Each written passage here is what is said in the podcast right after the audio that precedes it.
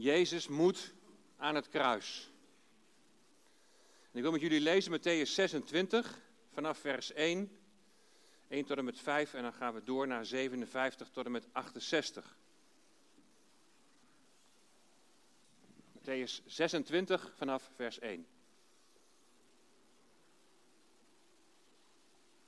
En toen Jezus al deze woorden geëindigd had, gebeurde het dat hij tegen zijn discipelen zei: U weet dat over twee dagen het Pascha is. En dan zal de zoon des mensen overgeleverd worden om gekruisigd te worden. Toen kwamen de overpriesters en de schriftgeleerden en de oudsten van het volk bijeen in het paleis van de hoge priester, die Caiaphas heette. En zij overlegden met elkaar om Jezus met een list te grijpen en te doden. Ze zeiden echter, niet tijdens het feest, opdat er geen opschudding onder het volk komt. Dan ga ik verder in vers 57. Zij die Jezus gegrepen hadden, leidden hem weg naar Caiaphas, de hoge priester, waar de schriftgeleerden en oudsten bijeengekomen waren. Petrus volgde hem op een afstand tot aan het paleis van de hoge priester. En toen hij naar binnen gegaan was, zat hij bij de dienaars om het einde te zien. De overpriesters en de oudsten en heel de raad zochten een valse getuigenverklaring tegen Jezus, zodat ze hem zouden kunnen doden. Maar ze vonden niets. En hoewel er veel valse getuigen gekomen waren, vonden zij niets. Maar tenslotte kwamen er twee valse getuigen die zeiden: Deze heeft gezegd: Ik kan de tempel van God afbreken en hem in drie dagen opbouwen. En de hoge priester stond op en zei tegen hem: Antwoord u niets.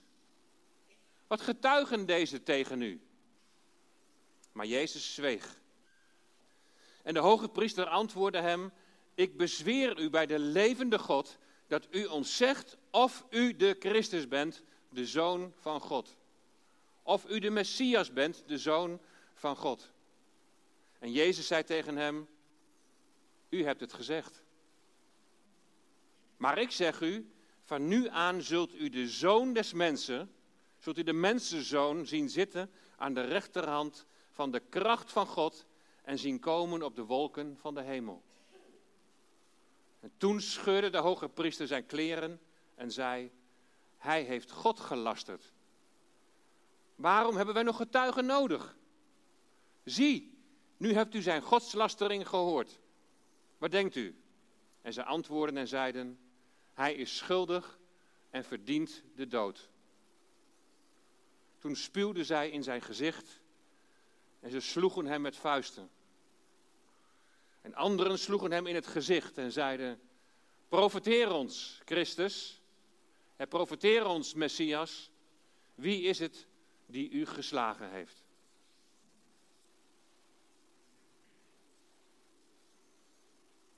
Een vredelievende man eindigt zijn leven aan een martelwerktuig van de Romeinen. Een vredelievende man. Wat heeft Jezus in zijn leven hier op aarde een diepe indruk achtergelaten?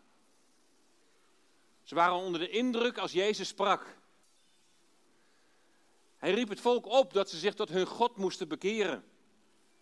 En dat met het oog op het naderende koninkrijk. Het Messiaanse rijk waar de mensen zo naar uitzagen. Wat waren de mensen onder de indruk? Ze hoorden uit de mond van Jezus dat de principes van dat komende koninkrijk zo tegengesteld zijn aan de samenleving waar ze zich in bevonden. Ze waren onder de indruk. Want Jezus sprak met gezag. Jezus had ook de natuur onder controle. Hij kon stormen tot bedaren brengen. Hij liep over het water. Hij genas zieken en liet zelfs mensen uit de dood opstaan. Je zou verwachten dat iedereen hem zou omarmen. Hoe kan het dat iemand die in onze ogen op zo'n positieve manier indruk maakt, hoe kan die nou uiteindelijk zo'n verschrikkelijke dood sterven aan het kruis? Welke rol speelt de Joodse geestelijke elite? Welke rol speelt het volk? Welke rol spelen de Romeinen? Het kennen van de geschiedenis is wel handig om wat meer inzicht te krijgen in hoe de machtsverhoudingen waren in die tijd. Dat je ook begrijpt van hoe het nou tot een veroordeling is gekomen en hoe het zover heeft kunnen komen dat Jezus die verschrikkelijke dood aan het kruis moest sterven. En dan gaat het niet zozeer om het kennen van de geschiedenis op zich, een verstandelijke kennis. Maar wat je straks zult zien is dat die kruisdood, dat totaal geen logische uitkomst was. Er zijn zoveel onlogische dingen gebeurd, met name aan de kant van die Joodse geestelijke elite, dat je je afvraagt onder wiens invloed zij stonden. Stonden ze zwaar onder de, onder de druk van de Romeinen? Was het Satan die door hen heen een duister spelletje speelde? Of is er iets anders aan de hand? Een vredelievende man, die zo gepijnigd en gemarteld wordt. Wat heeft tot zijn veroordeling geleid? En toen ik voor mezelf wat meer inzicht kreeg in de geschiedenis en de gebeurtenissen, toen werd de kruisdood van de Heer Jezus voor mij nog indrukwekkender dan die al was. Je zult zo meteen zien dat het veel meer is dan een toevallige samenloop van omstandigheden die uiteindelijk uitliep op de kruisiging van de Heer Jezus. Ken je geschiedenis? Wat de geschiedenis betreft kunnen we mooi aansluiten bij de preekserie over Daniel. Je weet nog wel hè, dat Daniel visioenen kreeg over nog komende rijken in zijn tijd. Hij was zelf in het Babylonische Rijk, maar daarna kwam het Medo-Persische Rijk, daarna het Griekse Rijk. En als het Griekse Rijk na de dood van Alexander de Grote uiteenvalt in vier rijken, dan is er een heerser in dat noordelijke rijk, dat groene rijk, die vreselijk huishoudt in Jeruzalem. Antiochus IV Epiphanes. De Maccabeeën, een Joodse verzetsbeweging, die verslaan Antiochus. En dan komt het zogenaamde Hasmonese Rijk van 167 tot 37 voor Christus. Dan is er voor een korte periode, een relatief korte periode van zo'n 130 jaar, is er een onafhankelijk Joods koninkrijk. En in die tijd heeft het Sanhedrin, het Joodse Hoge Rechtshof, heeft hele grote macht. En met het Sanhedrin, daarmee bedoel ik die, die Joodse geestelijke elite. Wat is hun rol geweest in het hele proces dat leidde tot de kruisiging van de Heer Jezus? Onder wiens invloed stonden ze? Fariseeën en Sadduceeën die vormen samen het 70-koppige Sanhedrin met de hoge priester aan het hoofd. Alleen het Sanhedrin mocht tijdens het Hasmonese Rijk de doodstraf uitvoeren. Dus ze hadden een grote verantwoordelijkheid. Maar dan overspelen ze hun hand. Vanaf 69 voor Christus zijn ze al een vazalstaat van Rome. Staan ze dus al onder invloed van Rome. En dan wil het Sanhedrin, wil Herodes de Grote berechten. Dat loopt uit op een fiasco. En Herodes neemt dan in 37 voor Christus neemt hij wraak. En hij laat 45 leden van het Sanhedrin executeren. En benoemt in hun plaats mensen die hem welgezind zijn.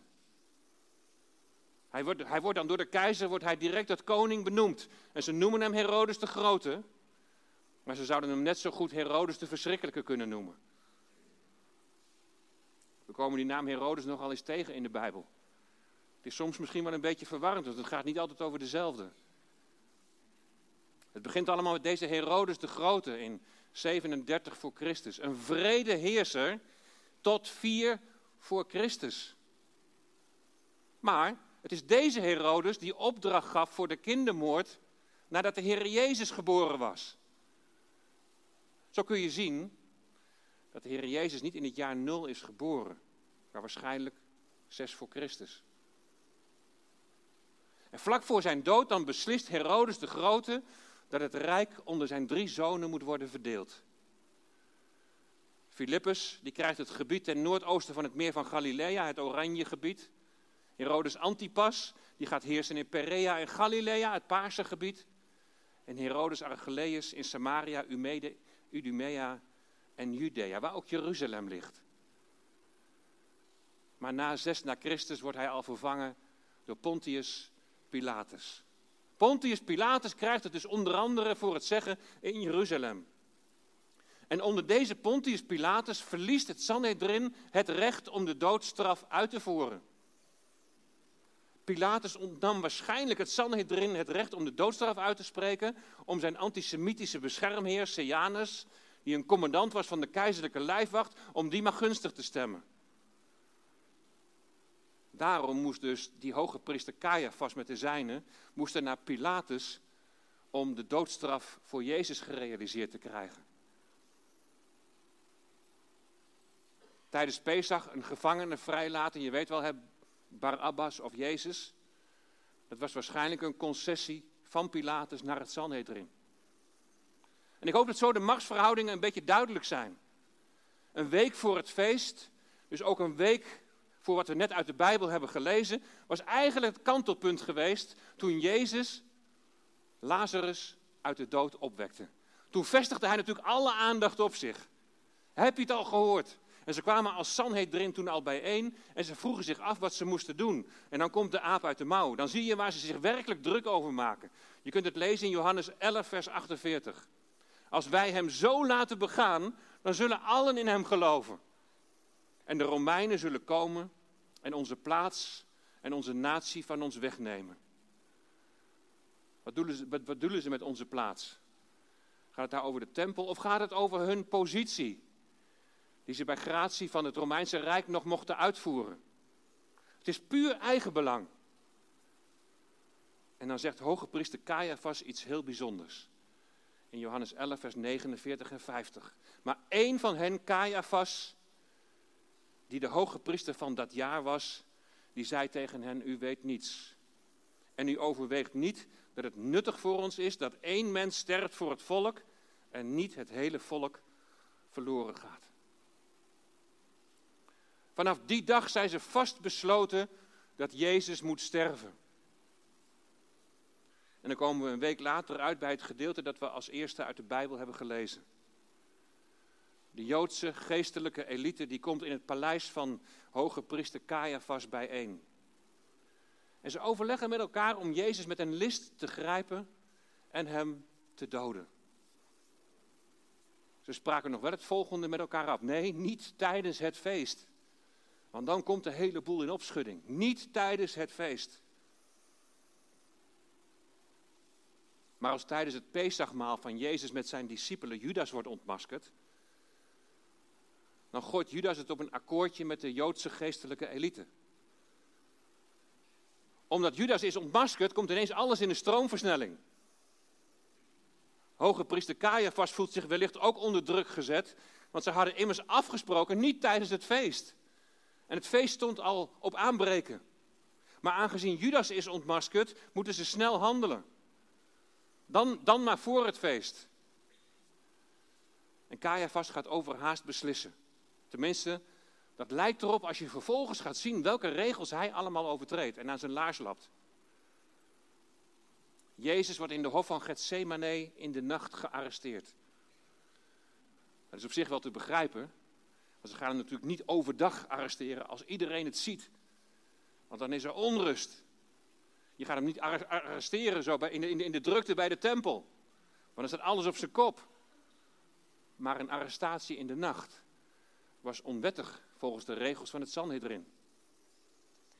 En wij weten van vanuit onze wetgeving dat als je iemand onwettig arresteert, of als je tijdens het proces dingen doet die in tegenspraak zijn met het recht, dat er dan in de meeste gevallen toch wel vrijspraak volgt. Het was niet de enige overtreding. Er volgde nog veel meer. Er vindt bij het paleis van Caiaphas een voorverhoor plaats. Ook in strijd met de regels. Daar komt ook nog bij dat een formele rechtszitting van het Sanhedrin, dat die moest plaatsvinden in de zaal van gehouwen steen in het tempelcomplex. En dus niet in het paleis van de hoge priester. Het is ook maar de vraag of er wel genoeg leden aanwezig waren.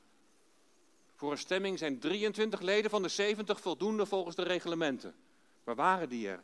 Haastige spoed is zelden goed. Maar ja, ze hebben maar één doel voor ogen Ze willen van deze man af. Hij moet sterven. Dit zijn de geestelijke leiders van het volk. De profeet Ezekiel die moest al tegen hen profeteren. En het is profetisch bedoeld, ook voor de leiders in de tijd van de Heer Jezus hier op aarde. Mensenkind, profeteer tegen de herders van Israël. Profeteer en zeg tegen hen, tegen die herders. Zo zegt de Heere, Heere, wee de herders van Israël die zichzelf wijden. alleen maar eigen belang. Moeten de herders niet de schapen wijden? De fariseeën en de sadduceeën, het Sanhedrin, ze wijden zichzelf. Ze zijn bezig met hun eigen belang en ze laten zich drijven door angst. Straks gaan ze allemaal in hem geloven. Stel je toch eens voor. En hoe gaat het dan verder met ons? Straks gaan ze allemaal in hem geloven. Straks zijn wij onze positie kwijt als de Romeinen het beu zijn. En regels zijn ineens niet meer belangrijk als het gaat om eigen belang. Ze roepen zelfs valse getuigen op. dat is natuurlijk helemaal uit de boze. Die getuigen leggen een vals getuigenis af. Ze zeggen dat Jezus het volgende heeft gezegd. Ik kan de tempel van God afbreken en in drie dagen weer opbouwen. Weet je, dat is een duivels principe om, om woorden te verdraaien of halve waarheden te vertellen. En dat is wat hier gebeurt. In Johannes 2, vers 19 staat wat Jezus exact heeft gezegd. Niet ik kan deze, deze tempel van God afbreken, heeft hij gezegd, maar breek deze tempel af en in drie dagen zal ik hem laten herrijzen. En uiteindelijk sprak hij natuurlijk over zichzelf, over zijn eigen lichaam. Alle regels worden overtreden. Alles wordt in het werk gesteld om met list en bedrog de Heer Jezus veroordeeld te krijgen. Een volgende overtreding is dat de hoge priester Caiaphas zelf de verdachte gaat ondervragen. Volgens de regels van het Sanhedrin waren alleen getuigenverklaringen nodig en geldig. Maar door deze overtredingen komen we wel bij de kern van de grond van de veroordeling. Die hoge priester vraagt namelijk aan Jezus: Bent u de Messias? Bent u de zoon van God? En hij legt hele grote druk op Jezus om hier antwoord op te geven. Het antwoord hebben we al gelezen in vers 64. Jezus zei tegen hem: U hebt het gezegd.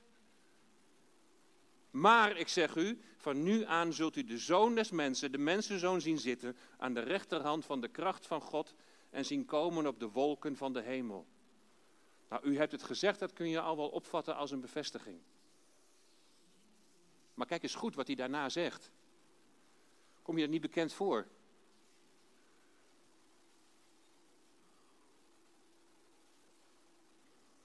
Dat brengt ons namelijk weer bij Daniel. Daniel 7, vers 13 en 14. Kijk maar naar de overeenkomsten. Ik keek toe in de nachtvisioenen en zie, er kwam met de wolken van de hemel iemand als een mensenzoon.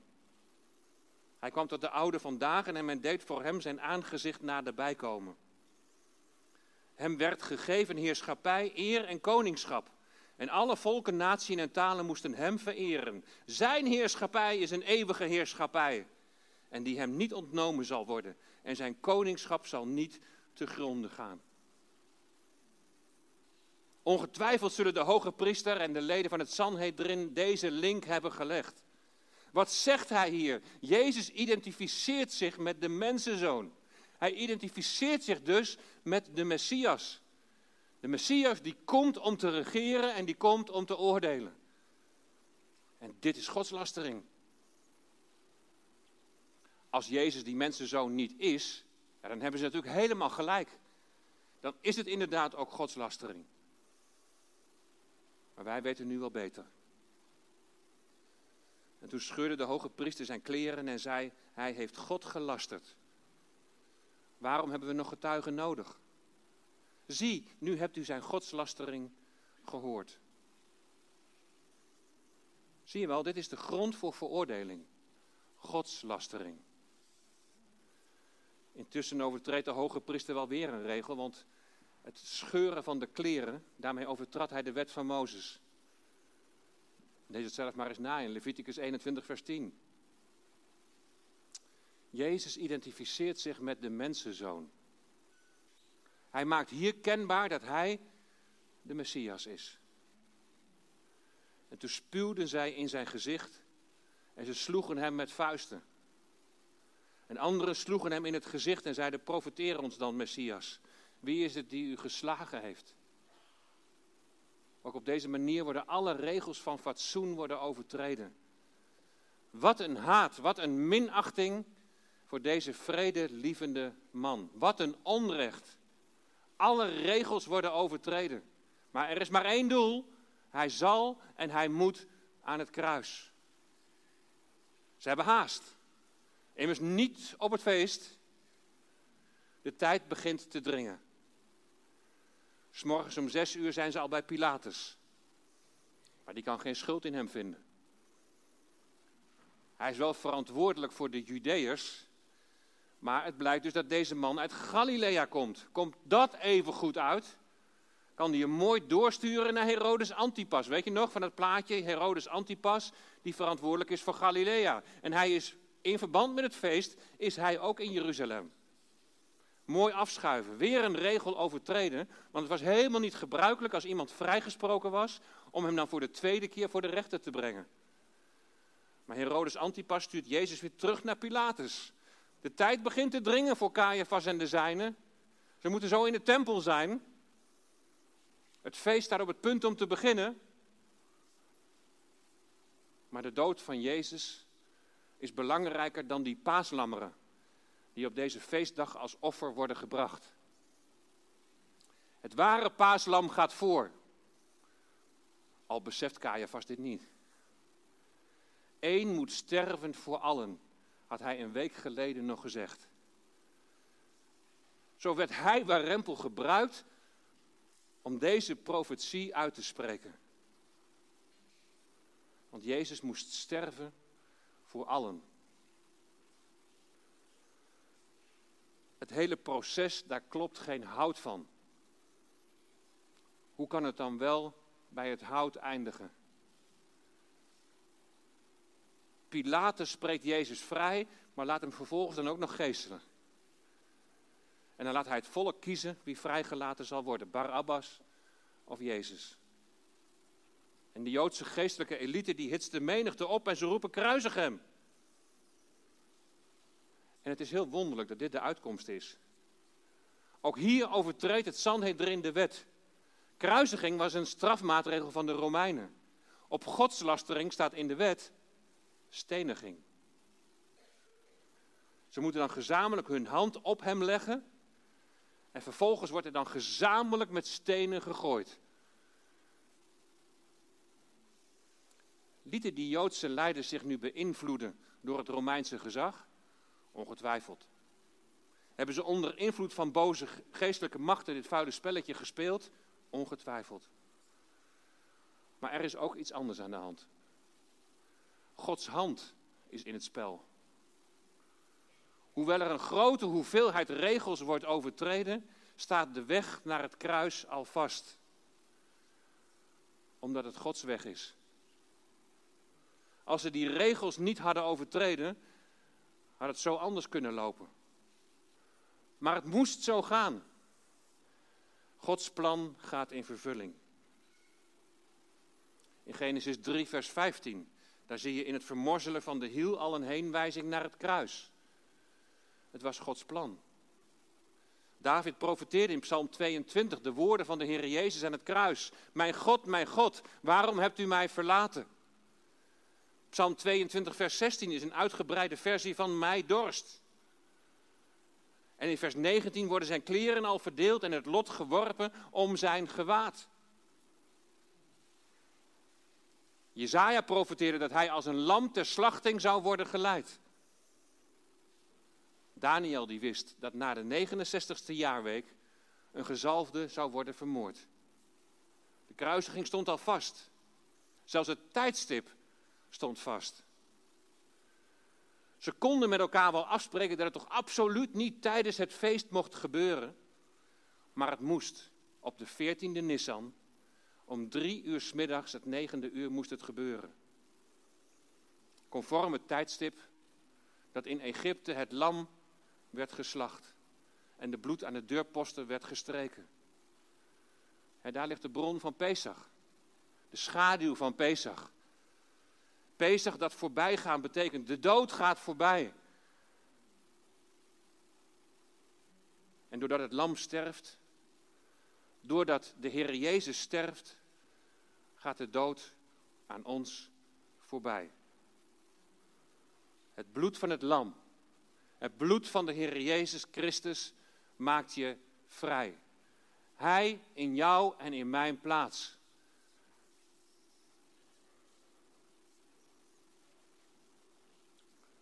Je wordt vrij van de macht van de zonde. Je ontvangt vergeving. Welke regels ook zijn overtreden in je leven. Jezus aan het kruis betekent al jouw schuld is weggedaan. Het is volbracht. Jezus ging aan het kruis. En het was op het feest. En vanaf het zesde uur kwam er duisternis over de hele aarde tot het negende uur toe. Ongeveer op het negende uur riep Jezus met een luide stem: Eli, Eli, lama sabachthani.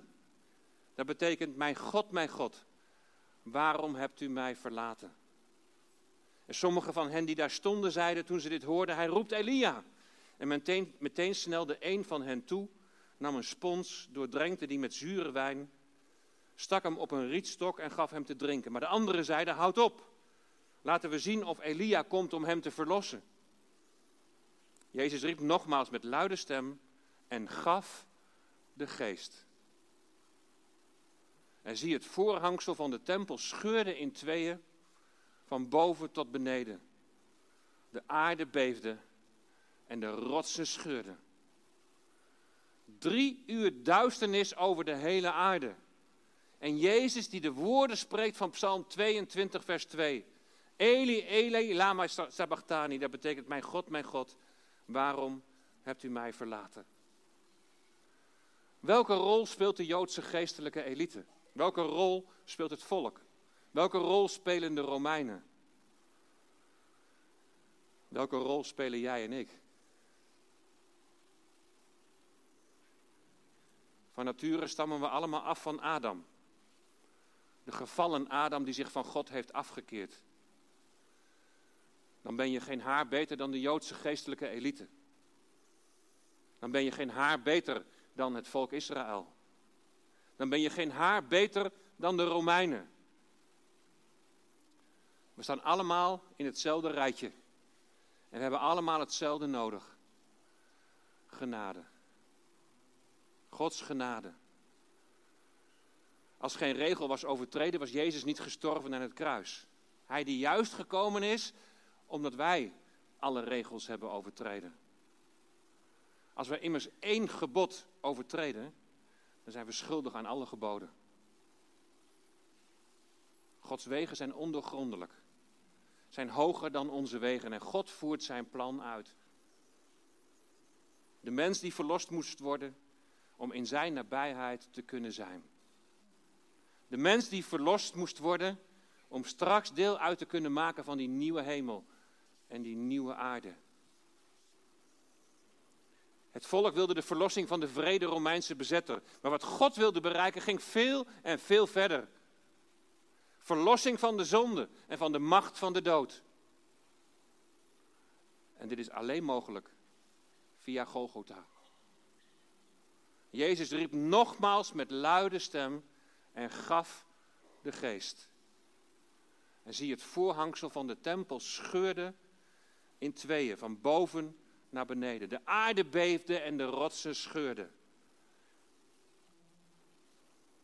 Aan het begin zei ik dat je de geschiedenis moet kennen om te snappen waarom het tot een veroordeling is gekomen. En hoe het zover kwam dat Jezus de kruisdood stierf. Hij is veroordeeld op grond van godslastering. Jezus citeerde Daniel 7 over de mensenzoon, over de Messias. En hij vereenzelvigde zich daarmee. Het werd de kruisdood. Het was helemaal niet logisch. Maar het was de weg van de Vader. Op het vloekhout moest de vloek van de zonde en de dood worden doorbroken. Want alleen dan is er toegang tot de Vader. dat door Jezus dood die toegang mogelijk is gemaakt, blijkt uit, het, blijkt uit het gescheurde voorhangsel. Er is toegang. Lieve mensen, door het offer van de Heer Jezus is er vrij toegang tot het hemelse heiligdom. Door genade mogen we zo in Gods aanwezigheid zijn. Niet op grond van eigen werken, niet op grond van verdiensten, maar enkel en alleen door genade van God. Er is leven. En vergeet nooit de prijs die daarvoor is betaald. En boven alles wie deze prijs heeft betaald. Jezus, de Messias. Yeshua HaMashiach. Zijn naam zij geloofd en geprezen. Amen.